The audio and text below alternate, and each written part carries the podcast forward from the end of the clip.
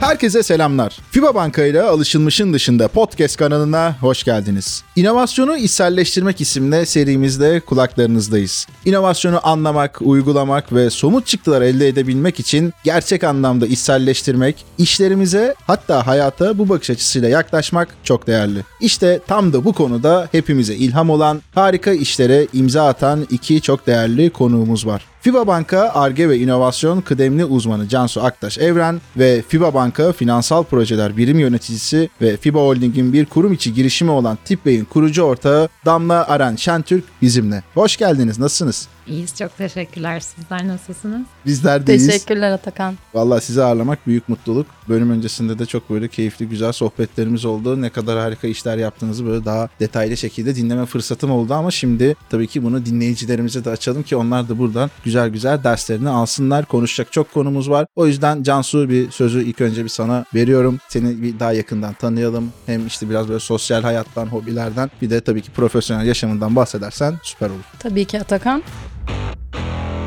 Ben gıda mühendisiyim, kimya yüksek mühendisiyim. İş hayatında yaklaşık 12 yıldır çalışıyorum ve bunun 6 yılını Koç grubunda çalıştım. Şu ana kadar ARGE merkezinin kurulumu, ARGE merkezi yönetimi ve inovasyon faaliyetlerinde tecrübeler edindim. Ve son 2 yıldır da yaklaşık FIBA Banka'da inovasyon faaliyetlerini yürütmekten sorumluyum. Evliyim, 4 yaşında dünya tatlısı bir oğlum var. Ne güzel Allah bağışlasın. Teşekkür ediyorum. Özellikle günün yorgunluğunu ve stresini atmakta kendisi bir numaralı yardımcım oluyor. Aynı zamanda da yoruyordur diye tahmin ediyorum. Onun yorgunluğu yorsun. Hiç önemli değil. Ne güzel. Zevk alıyorum çünkü gerçekten.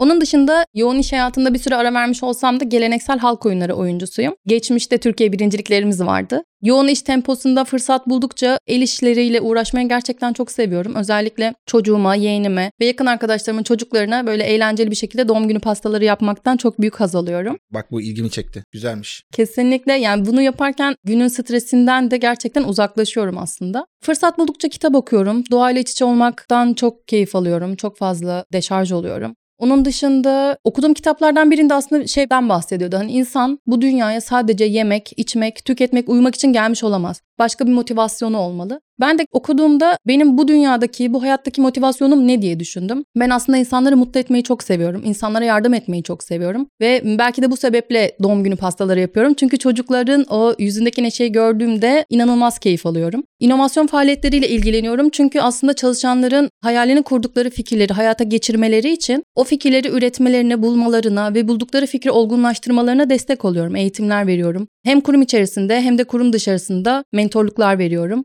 Aslında burada senin de bildiğin gibi Atakan mentorluk süreci karşılıklı öğrenim süreci. Hem mentor için hem menti için bir yandan girişimin gelişimine destek Seni olurken de besleyen bir durum oluyor aslında. kesinlikle bir yandan da kendimi beslemiş oluyorum. Anladım süper yani bu arada sevgili dinleyicilerimiz de fark etmiştir ki hani inovasyonu içselleştirmek serimizin ismi. Ne kadar aslında bu kavramları hayatımıza adapte ettiğimiz ve hayatımızdan beslendi. Hani sosyal hayatta birilerine bir şeyler vermek, kazandırmak hoşuna gidiyor. Karşılıklı bir beslenme süreci oluşuyor. Aynı şekilde profesyonel yaşamada bu bu şekilde etki ediyor. Bence tam o içselleştirmeyi aslında güzel özetleyen bir deneyimin oldu ve sevgili Damla sana dönüyorum. Buyur seni tanıyalım.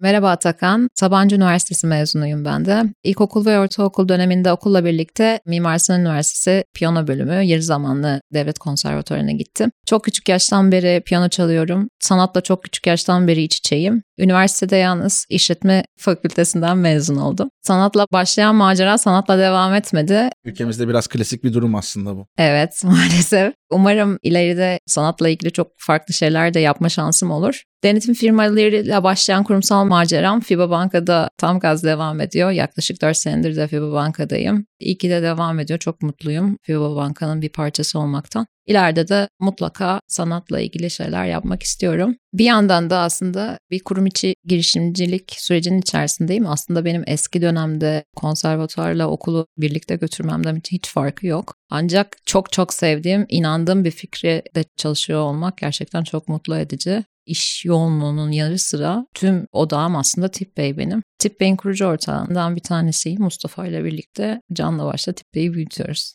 Harikasınız süper. Bu tarz şeylerin aslında böyle küçüklükten geliyor olması işte oradan insanı besleyen hani çok farklı alanlara doğru gidebilmeyle ilgili bir kültürün oluşması bence çok önemli bir şey. Bu aynı şekilde kurumlarda da çok önemli bir şey. Yani sonuçta o hani nasıl aile ortamında işte doğan bir çocuk oradaki kültürden besleniyorsa bir kuruma girdiğimiz zaman da o kurumun içerisindeki kültürel yapıdan da aynı şekilde besleniyoruz. Burada yeniliklere açık olunabilmesi işte inovasyonla ilgili faaliyetlerin bulunması ve aslında kurumu geliştiren pek çok farklı farklı alanın olması da o kişilere alan sağlıyor. Bu noktada da Cansu sana dönmek istiyorum. ARGE ve inovasyonun FIBA Banka'da çok ciddi önem verilen bir yeri var. Bu alanda hem banka olarak hem de departman olarak neler yapıyorsunuz, ne gibi hedefleriniz var, hangi odak alanlara yöneliyorsunuz bunları bir özet olarak alırsak çok sevinirim. Tabii ki Atakan. Dünya hızla değişiyor, dönüşüyor. Aslında FIBA Banka olarak biz de bu değişimi takip eden firmalardan değil bu değişime yön veren şirketlerden olmak istiyoruz. Bu yüzden çok değerli bir şey bu arada bence bu söylediğin. Süper. Kesinlikle bu yüzden de FIBA Banka olarak canla başta çalışıyoruz gerçekten. Burada kendimizi bir banka olarak değil bir teknoloji şirketi olarak konumluyoruz. Çalışanlarımızın da bu değişime ayak uydurarak müşteri odaklı çözüm üretmeleri, daha hızlı öğrenme ve iş yapış biçimlerini girişimci mindset ile gerçekleştirmeleri için aslında insan kaynakları olarak da çalışanlarımıza ciddi yatırımlar yapılmakta. Bu yatırımlardan bir tanesi de inovasyon girişimcilik faaliyetleri. Çünkü startup dostu olan bankamız geçmişte de hem kurum içerisinde hem kurum dışında birçok girişime yatırım yapıp gelişmelerini desteklemekte. Geçmiş dönemlerden de aslında banka içinden çıkmış, spin-off olmuş birçok başarılı kurum içi girişimcilik hikayeleri var. Biz neler yaptık? Geçtiğimiz sene Focus adını verdiğimiz kurum içi girişimcilik programını kurguladık. Bir de yanında FIBA Banka Focus adını verdiğimiz web sitesini hayata geçirdik. Burada asıl amacımız çalışanların daha yenilikçi, yaratıcı düşünmelerini teşvik etmek. Çalışanların iş hayatında, çalışma hayatlarından bir tık böyle uzaklaşıp her gün yapmış olduğu rutin işlerin dışına çıkıp kendilerini geliştirmeleri, hayallerini kurduğu fikrin peşinden gitmelerini sağlamak istiyoruz aslında. Çünkü gerçekten çalışanlar inanılmaz yoğun ortamlarda çalışıyorlar ve üst yönetimin vermiş olduğu hedefler var, gerçekleştirilmesi gereken toplantılar var. Biz aslında arkadaşlara bir el uzatıp arkadaşım gel bugünün yorgunluğunda her gün yapmış olduğun çalışmalardan bir tık uzaklaş, kendi gelişimin için kendine bir es ver ve kendini geliştirmeye bir fırsat tanı. Hayalini kurduğun iş neyse, fikir neyse gel bu fikri birlikte geliştirelim, olgunlaştıralım diyoruz. Bizim burada asıl amacımız dediğim gibi hani bu ARGE ve inovasyon faaliyetlerini kurum kültürüne yayıyor olmak. Bu konuda geçtiğimiz sene özellikle herhangi bir odak alanı kısıtlamasında bulunmadık. Çalışanlarımızın çünkü ne tarz fikirler geleceğini biraz daha böyle görmek istedik. Bu sebeple aslında banka faaliyetleriyle doğrudan veya dolaylı ilişkili olan bütün fikirleri programımıza dahil ettik.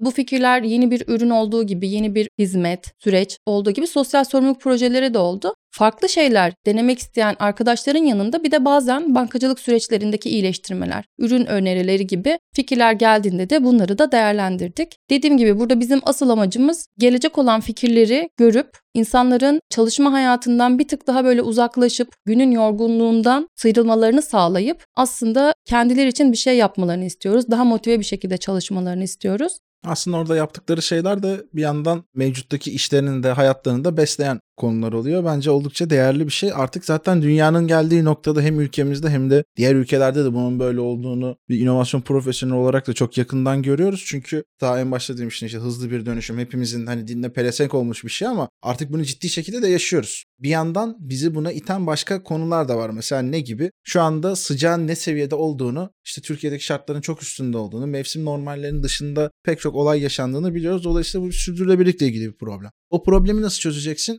Yenilikçi düşünebilmen lazım, yaratıcı düşünebilmen lazım, doğru problem analizleri yapabilmen lazım. Bunların hepsi de inovasyon temelli işler. O yüzden aslında sizin burada hayata geçirmiş olduğunuz kurum içi girişimcilik ve inovasyon süreçleri inanılmaz değerli. Zaten bugün burada da FIBA Holding içerisinde aslında hayata geçirilmiş olan bir inovasyon sürecinin de çıktısı olan bir kurum içi girişimci Damla'yla da birlikteyiz. Damla sen de aslında bir FIBA banka çalışanısın ama FIBA Holding'in aslında holding genelinde yapmış olduğu da bir sürecin içerisine dahil oldun. Bize biraz bu süreci, kendi deneyimlerini anlatabilir misin? Tabii size uygun olan müsait zamanlarınızda mutlaka hani bu fikri nasıl geliştirebileceğimiz konusunda bize hep yönlendirmeler yapıldı. Biz de sistematik bir şekilde kendi fikrimizi nasıl geliştireceğimizi anladık aslında. Fikri bütün doğrulama süreçlerinden geçirdik. Olgunlaştırdıktan sonra üst yönetime birkaç tane sunum yaptık. Tabii inandığınız fikri 6 dakikada bütün FIBA Holding üstü yöneticilerine anlatmak biraz challenge aslında ama biz bu tarz şeyleri çok yaşayarak artık bu konuda uzmanlaştık. O yüzden bu süreç içerisinde gerçekten fikrinize inanıp içselleştirmeniz gerek. Çünkü yolda çok fazla demotive olduğunuz, umudunuzu kaybettiğiniz birçok şey yaşıyorsunuz. Ama gerçekten fikrinize inanıyorsanız ne olursa olsun çıkış yolunu zaten buluyorsunuz. O yüzden bu konu gerçekten çok önemli. Yani ben hayatımın en yoğun ve heyecanlı iki senesi içerisindeyim. Hem fikrime hem de işime odaklanıp verimli çalıştığımda her iki tarafta da başarının geldiğini gördüm ve buna da şahit oluyorum. Bu da çok büyük bir aslında motivasyon benim için. Her şeyin başı başaracağınıza inanmanız. O zaman her şey yolunda gidiyor. Süper. Aslında burada iki tarafı da götürmek zorlu bir şey ama zaten nasıl bir motivasyonu olduğundan da bahsettin. İşin o fikrin peşinden gitme motivasyonunu oluşturan etkenlerden bir tanesi de aslında doğru bir probleme odaklandığından ve bunun birileri için bir acı olduğundan emin olmak ve evet ya bunu çözmeliyim demek. Burada şunu merak ediyorum. Girişimcilikle ilgili bir sürü metotlar var. İşte tasarım düşüncesi, lean startuplar vesaire. Siz bunları nasıl uyguladınız? Ne gibi süreçlerden geçtiniz? Yani bir sürece başvurdun, kabul aldın. Ondan sonrasında ilk adımını attın ve işte şu anda da yayında olan bir uygulama çıkarttın ve bunun işte kullanıcıları var. Bir sürü insana çözüm sağlıyor. Biraz o süreci akıllarda daha iyi oluşturmak adına anlatabilir misin? Tabii. Bir kere çok sistematik bir şekilde çalıştık. Problemi doğru analiz ettik. Broşürler tasarladık. Fikrimizi doğrulamak için birçok farklı sektörden insanla görüştük. Yaklaşık 50-60 kişiyle birebir görüşme gerçekleştirdik. Bu aslında persona görüşmesi gibi Persona görüşmeleri tabii hem hani bahşiş alan personellerle görüştük hem de bahşiş verenlerle hani böyle bir uygulama olsa kullanır mısınız diye fikrimizi doğruladığımız süreçler oldu. Onun dışında LinkedIn'den anketler yaptık. Burada birazcık parazları ölçmek istedik. Hani insanlar bu teknolojik şeylere de yakın mı? Hani bunu kullanır mı gibi durumlar ortaya çıktı. Aslında bu süreç bizim için çok doğru bir yönlendirme oldu. Fakat canlı hayata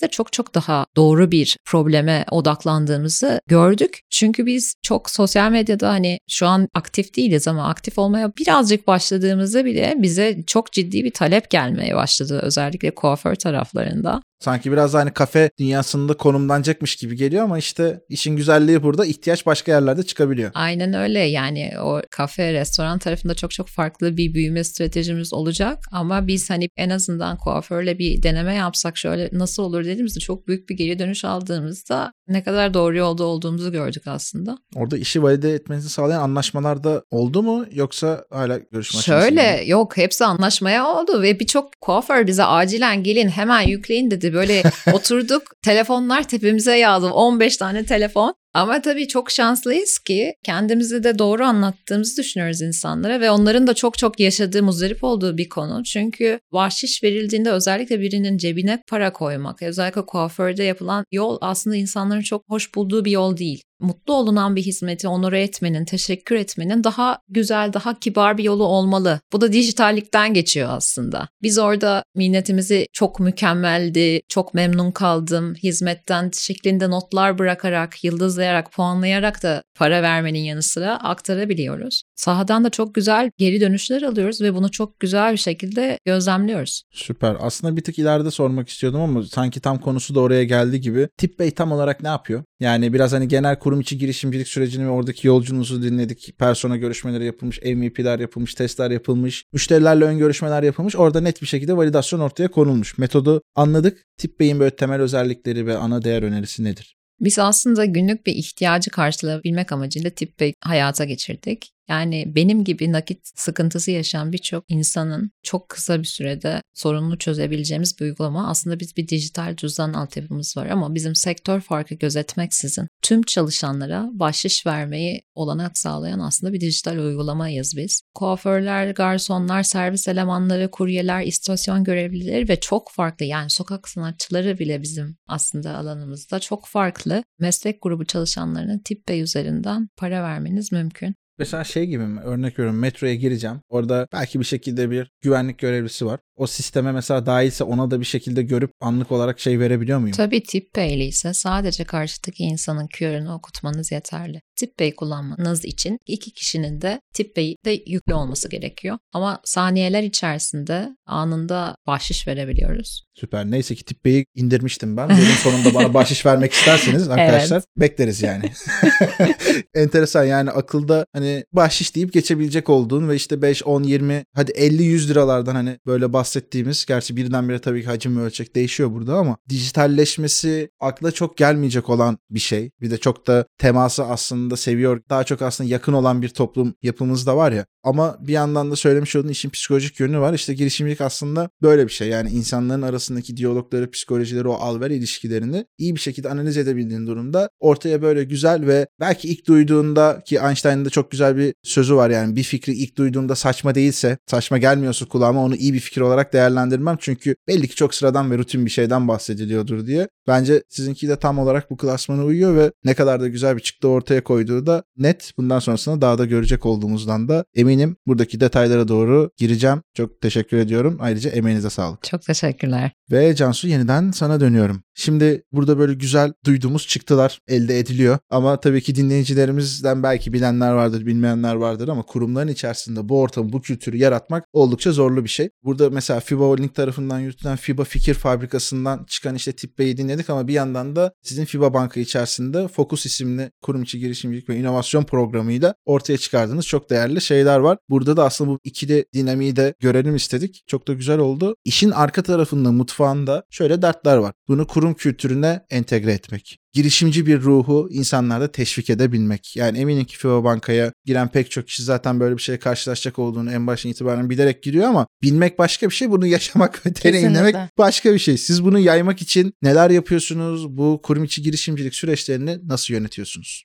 Biz ilk başta aslında inovasyonu yapmak için ya da işte mış gibilerle yapmıyoruz. Gerçekten ekip olarak her zaman kendimize neyi nasıl yapabiliriz, daha farklı nasıl hayata geçirebiliriz'i sorguluyoruz. Sürekli kendimizi geliştirip yeniliyoruz. Bir bakıma baktığınızda Focus programı da bizim kendi girişimimiz çünkü. Dolayısıyla burada hedef kitlemiz olan banka çalışanlarını daha iyi anlamak, onların gerçekten problemleri ne, ihtiyaçları ne bunları daha iyi anlayıp... Siz de ihtiyaç analizi yapmaya çalışıyorsunuz Kesinlikle. öyle değil mi? Dediğim gibi çünkü aslında bir bakıma Focus programı da bizim bizim ekip olarak kendi girişimimiz. Buradaki çalışan memnuniyeti tabii ki de çok önemli. Bu yüzden de sürekli almış olduğumuz geri bildirimler, çalışanları çok daha iyi analiz etme, hangi sorunları var, ne gibi problemler yaşıyorlar bu süreç boyunca bunları tespit edip aslında hızlı bir şekilde aksiyon almaya çalışıyoruz. Onun dışında aslında kültüre yaymak adına birçok farklı çalışmalarımız var. Bunlardan ilkini dönüşüm semineri olarak bahsedebilirim. İnovasyon ekosisteminden böyle önemli isimleri, diğer kurum içi girişimcilik programlarından çıkmış, başarı hikayesi oluşturmuş olan girişimleri davet ediyoruz belirli periyotlarda.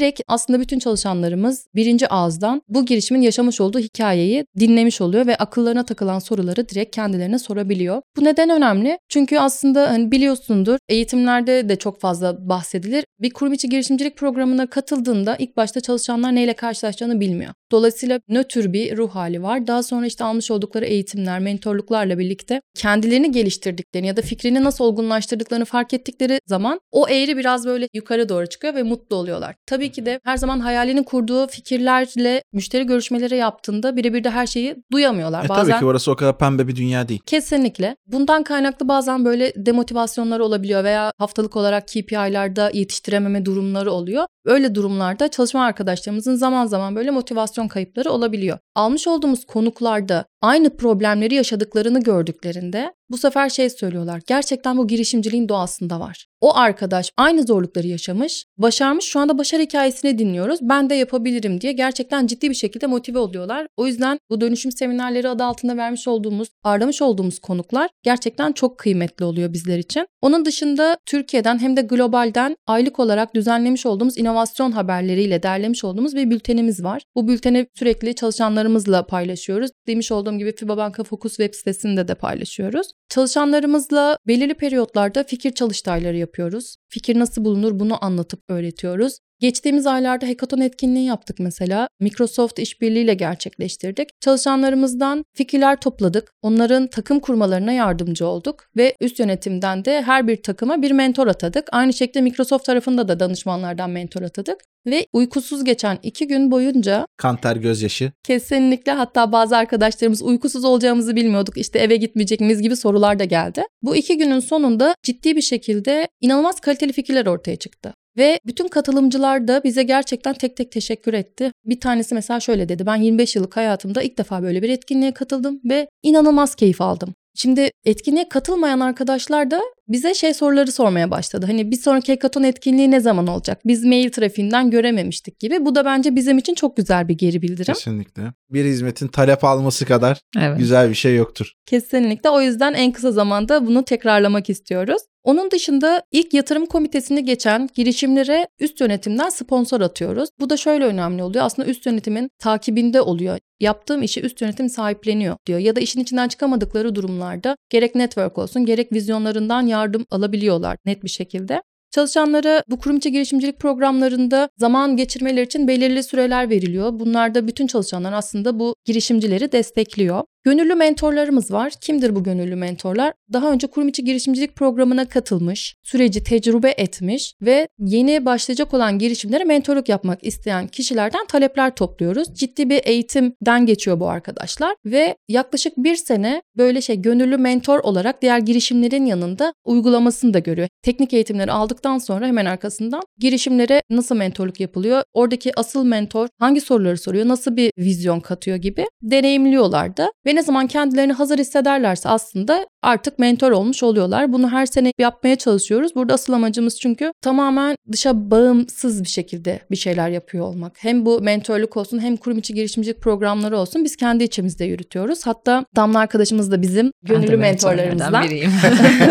Süper. Çok güzel bir kombinasyon oldu ya bu bölümde. Kesinlikle. Onun dışında da tabii ki de hani yıl boyunca çalışan arkadaşlarımız hem ARGE hem de inovasyon faaliyetleri için yıl boyunca birçok faaliyetlerde bulunuyorlar. Bu faaliyetlere yıl sonunda biz bir ödül teşvik mekanizmamız var. Kendilerine üst yönetimin de katıldığı bir etkinlikte önce teşekkür ediyoruz her birine. Sonra plaket ve ödüllerini takdim ederek onları da onure ediyoruz diyebilirim. Anladım. Harikaymış. Mesela diyelim ki ben bir FIBA Banka çalışanıyım veya FIBA Banka'da çalışmaya başlamak isteyen bir profesyonelim. Bu süreçlere nasıl başvuruyorum? İşte ne gibi bir hazırlık yapmam gerekiyor mu? Gerekiyorsa neler yapmam gerekiyor falan. Belki bir azıcık onlardan da bahsetmek lazım. Bir de aslında nasıl teşvik ediyorsunuz ve siz bu süreçte ne gibi katkılar sağlıyorsunuzu soracaktım ama sen teşekkür ediyorum ki oraları güzel bir şekilde topladın ama eklemek istediklerin varsa yine de alabiliriz. Teşekkürler Atakan. Öncelikle şunu söyleyebilirim. Hani birçok kurumda inovasyon ofisi diye ayrı bir iş birimi yok. Biz bu yönden bence oldukça şanslıyız. Çünkü FIBA Banka'da sadece tek iş ARGE ve inovasyon olan bir iş birimimiz var. Ve bütün amaçları çalışanları bu sisteme dahil etmek, kurum kültürünü yaratmak. Aynı şekilde üst yönetimin desteği sonsuz. Bu yönden de kesinlikle şanslı olduğumuzu söyleyebilirim.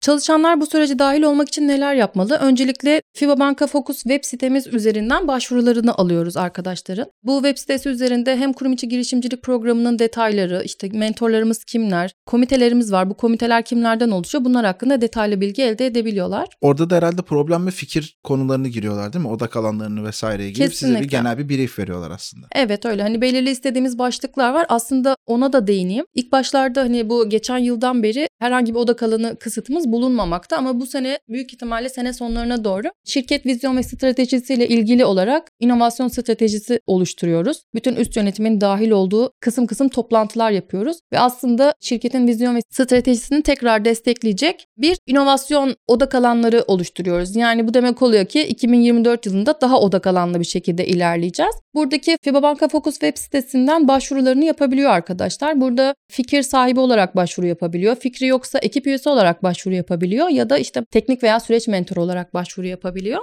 Burada önemli olan çalışanların zaman ayırması, istekli olması ve iyi bir takım oyuncusu olması. Çünkü normal klasik aldığımız eğitimler gibi düşünmeyin. Hani iki saatlik ya da iki günlük bir eğitim aldım. Bir yandan da toplantıda işte maillerime bakayım gibi bir şey değil. Gerçekten hem teknik eğitim alıyorsunuz, arkasından da uygulamasını yapıyorsunuz ve en kısa dönemi böyle farklı aşamalar var. Biraz sonra onlardan da bahsedeceğim. En kısa dönemi hani ilk geldiğinizde yapmış olduğunuz çalışmalarla üst yönetimden onay almadığınızı düşünürseniz iki ay.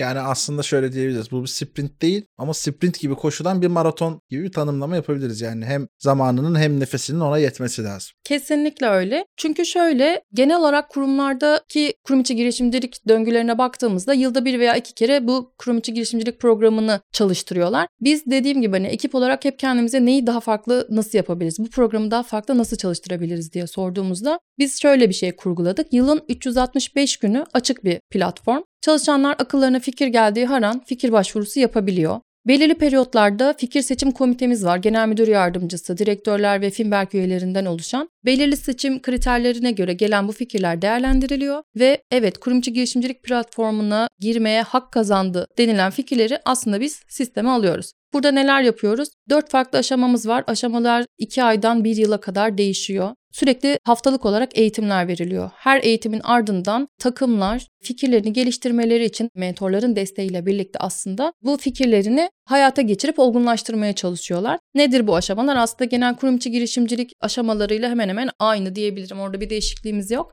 Mesela ilki keşif aşaması. Fikir gerçekten pazarda doğrulanıyor mu? Gerçekten müşterinin, personanın böyle bir şeye ihtiyacı var mı yok mu? Bunun tespit edildiği aşama. Bu iki ay süren bir aşama. En kısası da bu onu söyleyebilirim. Bir sonraki aşama doğrulama aşamamız var. Bu da girişimin MVP'sini geliştirip bir müşteriye satması aslında ilk defa bir fatura kesmesini istiyoruz bu aşama için. Doğrulama aşamasını geçen girişimler verimlilik aşamasına geçiyor. Bu da daha hızlı ölçeklenebilme, daha çok müşteri elde etme ve son aşama olan ticarileşme aşamasında da artık üst yönetimden tamamı devamı kararı çıkıyor ve artık bunca yapılan çalışmalardan sonra hayata geçme kararı verildiyse ticarileşip spin-off oluyor.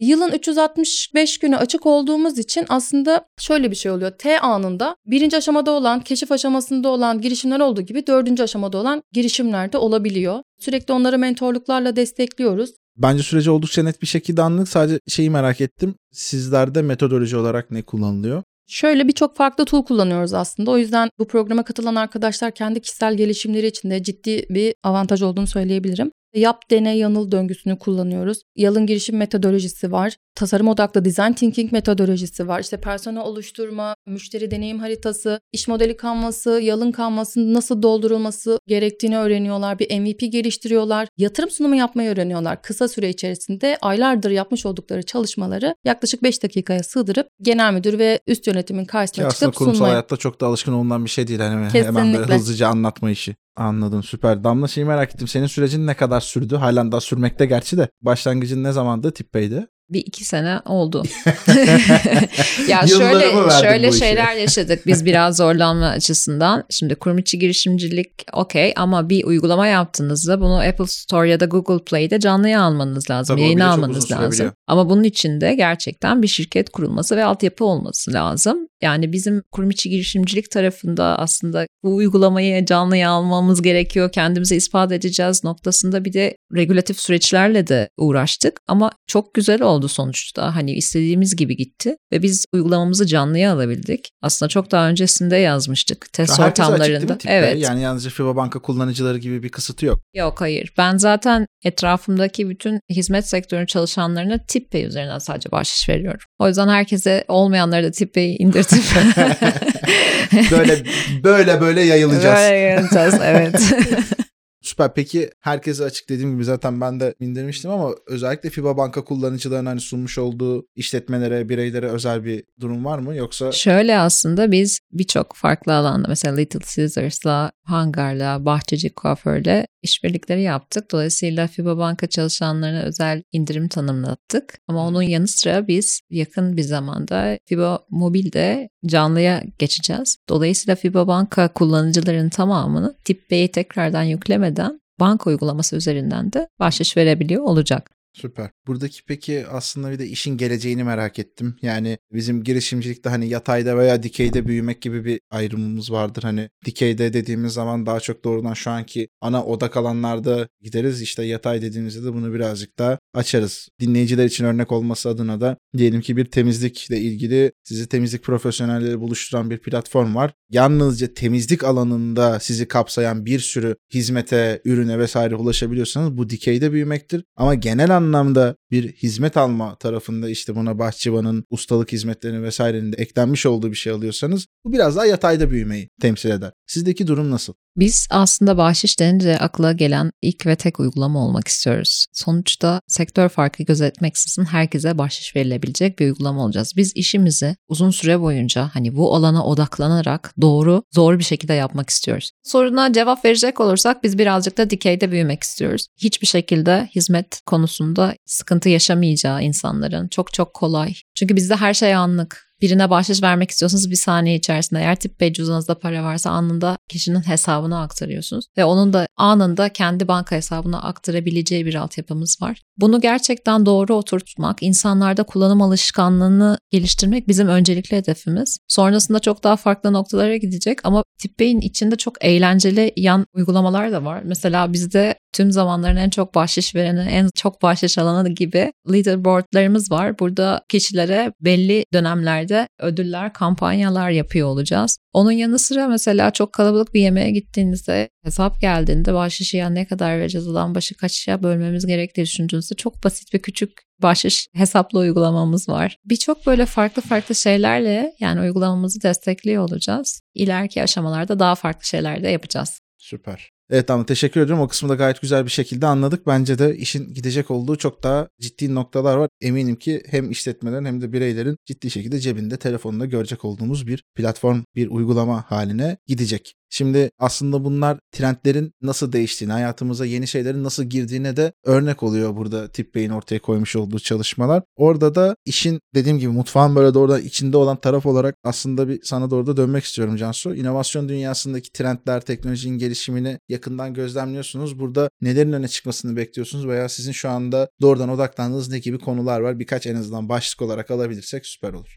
Tabii ki. Öncelikle inovasyon ve girişimcilik faaliyetleri bütün kurumlarda artık böyle en gözde konulardan biri haline geliyor ve bütün girişimcilik takımlarında da her zaman yetkin insanlar olamıyor. Bu sebeple no code ve low code platformların daha sürdürülebilir bir şekilde daha gündemde olacağını düşünüyorum. Onun dışında sürdürülebilirlik konuları, yeşil enerji, dekarbonizasyon, geri dönüşüm, tekrar kullanım gibi konular gerçekten popülerliğini daha da arttıracak diye düşünüyorum. Çünkü şu anda bile görüyoruz her gün sıcaklık rekorları kırılıyor. Aynen. Bu dünyanın bize ihtiyacı var. Bizim de dünyaya ihtiyacımız var. Birbirimize bakmamız lazım. Kesinlikle iyi bakmamız gerekiyor. Onun dışında her zaman şey söylüyoruz. Zaman çalışanları artık 24 saat bize yetmiyor. Hı hı. Bu yüzden insanlara zaman tasarrufu yaratacak olan uygulamalar, teknolojiler popülerliğini daha da arttıracak. İşte bunlardan bazılarını söyleyeyim. Mesela robot teknolojileri. Bizim halihazırda günlük yapmış olduğumuz işlerin birçoğunu artık yavaş yavaş robotlara bırakmaya başlayacağız. Aynı şekilde böyle daha karmaşık görevleri yerine getirebilmek, üretim, lojistik süreçlerinde özellikle çok daha fazla bir şekilde bunları görüyor olacağız. Metaverse tarafına gelecek olursam mesela dijital ve fiziksel dünyanın harmanlandığı ve burada erişebilirlik, işte kişiselleştirilme, eğitim gibi alanlarda, müşteri memnuniyeti gibi alanlarda çok fazla kullanılacak. Özellikle müşteri memnuniyetinin arttırılması, işte yeni iş modellerinin deneyimlenmesi, müşteriler tarafından bunların simüle edilmesi bence oldukça değerli.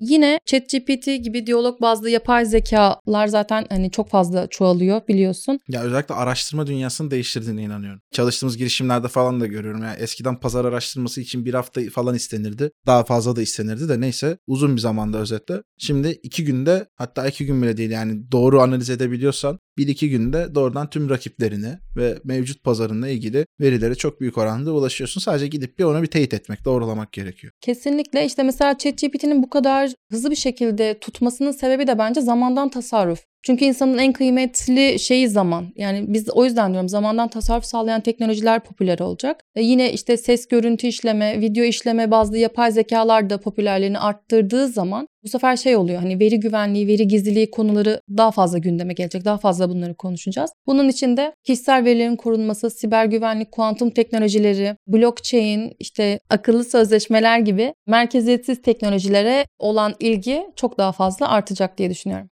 Süper. Geleceğe doğru, yetkililere doğru gitme yolundaki tavsiyelerimizi de aldığımıza göre aslında artık bölümün yavaş yavaş da sonuna doğru geliyoruz ama ben böyle ikinizden bir ortak bir yorum olarak da almak istiyorum. Çünkü podcast ekosisteminin dinleyicilerini oluşturan önemli bir çoğunluk yeni nesil genç yetenekler. Ve hepimiz de biliyoruz ki aslında bahsettiğimiz tüm bu değişime öncülük de eden işte ilerleyen zamanlarda bunları yönetecek olanlar da onlar. Ama sizler de şu anda bu alanın temsiliyetini de aslında üstünüzde tutuyorsunuz ve dolayısıyla arada bir korelasyonun olması gerekiyor. Ve diğer bölümlerde de çok konuştuğumuz bir şeydi. Bu aradaki ilişkiler ne kadar iyi bir şekilde kurulursa da hem yeni nesil genç yeteneklerin kendisini hazırlaması anlamında hem de kurumların onları daha iyi anlaması tarafında işler çok daha yolunda ve güzel bir şekilde gidecek. Şimdi sizce bir kurumda bu tarz faaliyetlerin sürdürülüyor olması yeni nesil genç yetenekler için nasıl bir önem arz ediyor ve onlar hani buraya nasıl bir zihin yapısıyla yaklaşmalılar? Tam da senden başlayalım istersen. Çok güzel bir imkan bu. Çünkü özellikle emekli olduktan sonra kendi işini kurmak ya da kurumsal hayattan tamamen çıkmak isteyen genç için aslında gerçekten biçilmez bir kaftan. Çünkü burada çok profesyonel bir şekilde bu süreci nasıl yönetebileceğimizi biz aslında mentor olarak da anlatıyorum ama da girişimci olarak yaşıyorum. İşin birkaç tarafındasın aslında. Evet çok farklı bir şey bu. Hani okyanusa böyle atılmışsınız gibi aslında ama orada öğrenme başlıyor kuruma kattığı çok büyük bir avantaj var. Çünkü ben bir çalışan olarak bütün büyük resmi görüyorum şu an. Yani pazarlama bilmiyorum diye bir şey yok ya da hukukta anlamıyorum diye bir konun yok. Her şeyi öğrenmek ve bilmek zorundasın. Ve bir kitap okudum dünyam değişti diye bir söz vardır ya. Gerçekten tippe başlamadan önceki benle şimdiki ben arasında çok büyük bir fark var. Bir iş yapayım dedim dünyam değişti. Bir iş yapayım dedim dünyam değişti ama yani o kadar çok bana olumlu şey kattı ki birçok farklı şeyi görüyorsun, birçok farklı olasılığı düşünüyorsun. Her anlamda işe hakim olmaya çalışıyorsun. Olmayacak şeyler başına geliyor ve bunlarla kriz yönetimini öğreniyorsun. Çok Kesinlikle. da güzel şeyler oluyor. Çok mutlu oluyorsun. Yani hayatında hiç daha önce yaşamadığın bir mesleki tatmini yaşıyorsun. Çok güzel bir şey o yüzden mutlaka gençlere de FIBA gibi bu kurum içi girişimciliği aşılayan kurumlara girmeleri ve bu şeyi tatmalarını şiddetle tavsiye ediyorum aslında.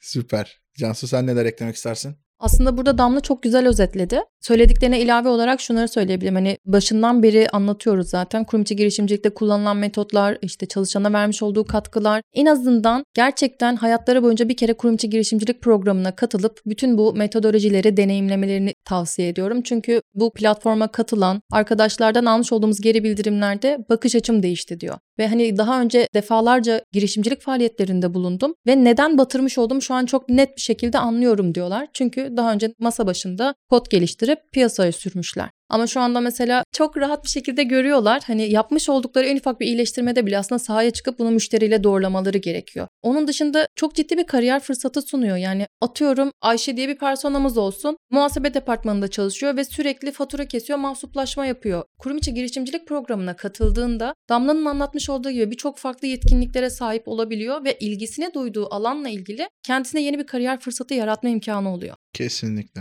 Bu arada şey de var yani illa hani kuruma tam zamanlı çalışmaya dahil olmayı beklemeyi gerektirmeyen de bir dönemdeyiz. Üniversite 2, 3 ve 4. sınıf öğrencileri için pek çok kurum aslında bu tarz programlar düzenliyor ki FIBA Banka içerisinde benzer yetkinlikler kazanmalarını sağlayacak olan süreçler var. Dolayısıyla imkanlar sınırsız. Buraya da ne kadar erken girilirse o kadar tabii ki kazançlı olurlar. Çünkü şu gerçeği unutmamak lazım ki kurumlar artık yeni takım arkadaşlarını seçerken bu yetkinliklere en azından aşina olan mümkünse de uygulayabilen kişileri tercih etmek istiyor. Kesinlikle. Şöyle bir tavsiyede de bulunmak istiyorum arkadaşlara. Yani kurum içi girişimcilik süreci gerçekten başarı olasılığı düşük bir süreç. O yüzden girişimciliğin aslında her alanında evet, olduğu gibi. Belirsizlik yönetiyorsunuz aslında. Tabii. Dolayısıyla ben onlara cesur olmalarını, risk almalarını, risk yönetmeyi öğrenmelerini ve başarısızlıktan korkmamalarını tavsiye ediyorum. Çünkü aslında burada ulaşılmak istenen noktadan ziyade gidilecek hedefe varana kadar ki yaşamış olduğun deneyim tecrübe çok önemli. Bu yüzden herkese bu deneyimi yaşamalarını tavsiye ediyorum. Kesinlikle katılıyorum. Vallahi ben ikinize de çok teşekkür ederim. Burada hem Tip Bey'in yolculuğunu dinlemek, hem gerek FIBA Holding tarafında olsun, gerek FIBA Banka tarafında olsun yürütülen bu kurum içi girişimcilik süreçlerini dinlemek, buraya bu kadar detaylı bir şekilde anlatacak güzel çalışmalarla gelinebilecek bir geçmişin, deneyimin, tecrübenin olmuş olması bence inanılmaz şekilde değerli. Bu hem bölümü dinleyen işte başka belki kurumlarda çalışan belki de başka benzer alanlarda da yine faaliyet gösteren kişiler için çok değerli. Hem de aslında bu dünyayı da ilk defa tanışan ve buradan bazı anahtar kelimeleri not alıp hani Damla dedi ya bir işe girdim hayatım değişti diye. Belki işte burada bir bölüm dinledim oradan birkaç tane kelime duydum ve anahtar kelimeleri not aldım neymiş diye bakmaya başladığım günden itibaren hayatım değişti diyecekleri bir noktaya doğru da gidebilir ki umarım da gider ve herkeste güzel gelişmeler olur. Şimdi kapatmadan önce sizlerden dizi, film, kitap, podcast vesaire herhangi bir öneri almak istiyorum. Yine dinleyicilerimizin hayatlarında böyle faydalı olabilecek olduğunu düşündüğünüz herhangi bir içerik olabilir. Son zamanlarda izlediğim ve okuduğum bir filmi bir de kitabı önermek istiyorum. Bir tanesi El Hoyo diye bir film. Netflix'te de bulabilirsiniz. Adı Platform. Özellikle son dönemde para mevhumunu kaybettiren zamlar, insanların çöpten yiyecek arayışları, yaşanan zorluklar ve adaletsizlik her geçen gün bana bu filmi daha çok hatırlatıyor. Dini ve edebi bir sürü gönderme var ama platformun asıl derdi kapitalizm ve geri dağılımdaki eşitsizlik. Çok ilginç bir film. Çok hoşuma gitti. Şiddetle tavsiye ediyorum. İki kitap önereceğim. Bir tanesi Engin Gençtan'ın İnsan Olmak diye bir kitabı ne kadar çok psikolojik şey okusanız da kişisel gelişim kitabı okusanız da gerçekten çok farklı bir bakış açısı sağlıyor insana. Yani duygularının, düşüncelerinin dekodarı diyorum. Ben o başucu kitabım. Altına çize çize okuyorum. Çok beğeniyorum. Bir tane de Gündüz Vasaf'ı zaten çok severim. Özellikle onun okuduğumda bana Dante'nin ilahi komedyası, Boş'un dünyevi zevkler tablosunu bile hatırlatan çok çok hoş bir kitabı vardı. Cehenneme Övgü diye. Gerçekten çok beğendim. Mutlaka okumanızı okumanızı tavsiye ediyorum. Çok ilginç bir şey var. İnsanlara kendini anlatıyor aslında. Kendi yaşadığı, kendi içindeki totaliterizmi, çocukluk, ilişkiler, cinsel kimlik üzerine, adalet, diktatörlük böyle çok farklı kendi farkındalığını yaratacak bir kitap. Bir bunu bir de Engin Gençtan'ın İnsan Olmak kitabını mutlaka tavsiye ediyorum.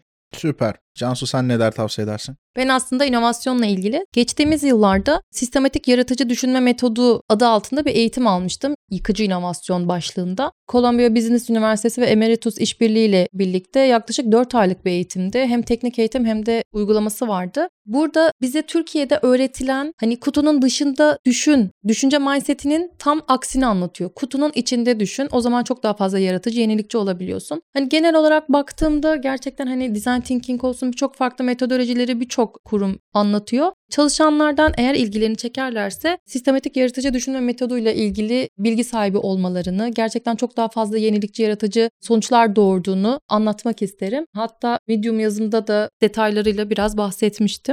Onun dışında Simon Sinek'in Nedenle Başla kitabını tavsiye ederim. Burada da işte insanlar neden bazı liderlere daha bağlı ya da neden bazı şirketlere daha bağlı, neden bazı ürün hizmetler çok daha tutuluyorken diğerleri başarısız oluyor gibi konuları işliyor. Filmlere gelecek olursak The Playlist filmi Spotify'ın kuruluş hikayesini anlatan, yine McDonald's'ın kuruluş hikayesini anlatan The Founder filmini tavsiye edebilirim. Harika öneriler. Teşekkür ediyorum. Sanıyorum ki buradan kenara pek çok notumuzu aldık. Sizlerle sohbet etmek harikaydı. Çok Bizler teşekkür ederiz. Bizler için de öyle. Ne demek. Şimdi her bölümü bitirirken aslında burada konuklarımızdan almış olduğumuz bizim için de bir ilham oluyor. Yani dinleyicilerimiz de zannetmesinler ki yalnızca siz yeni bir şeyler öğrenin diye değil. Biz de hani nasıl girişimcilik mentor menti ilişkisinden de bahsedilmişti. Karşılıklı bir öğrenme süreci var ve bunu da yakından yaşıyor olmanın da mutluluğu içerisindeyiz. O yüzden bunların hepsi bana şöyle notlar aldırdı aslında. Bu bölümü kapatıp bir sonraki bölümde görüşünceye kadar geçirecek olduğumuz zamanda ve hayatımızın geri kalanında da hayatta değişime açık olduğumuz, korkusuz bir şekilde denediğimiz, yanıldığımız, öğrendiğimiz ve cesur bir şekilde yeniden yeniden denediğimiz ve tabii ki her zaman olduğu gibi de alışılmışın dışına çıkmaktan korkmadan geçireceğimiz günler diliyorum. Sevgili dinleyiciler bir sonraki bölümde yeniden görüşünceye dek sağlıkla, merakla ve yenilikle kalın. Görüşmek üzere.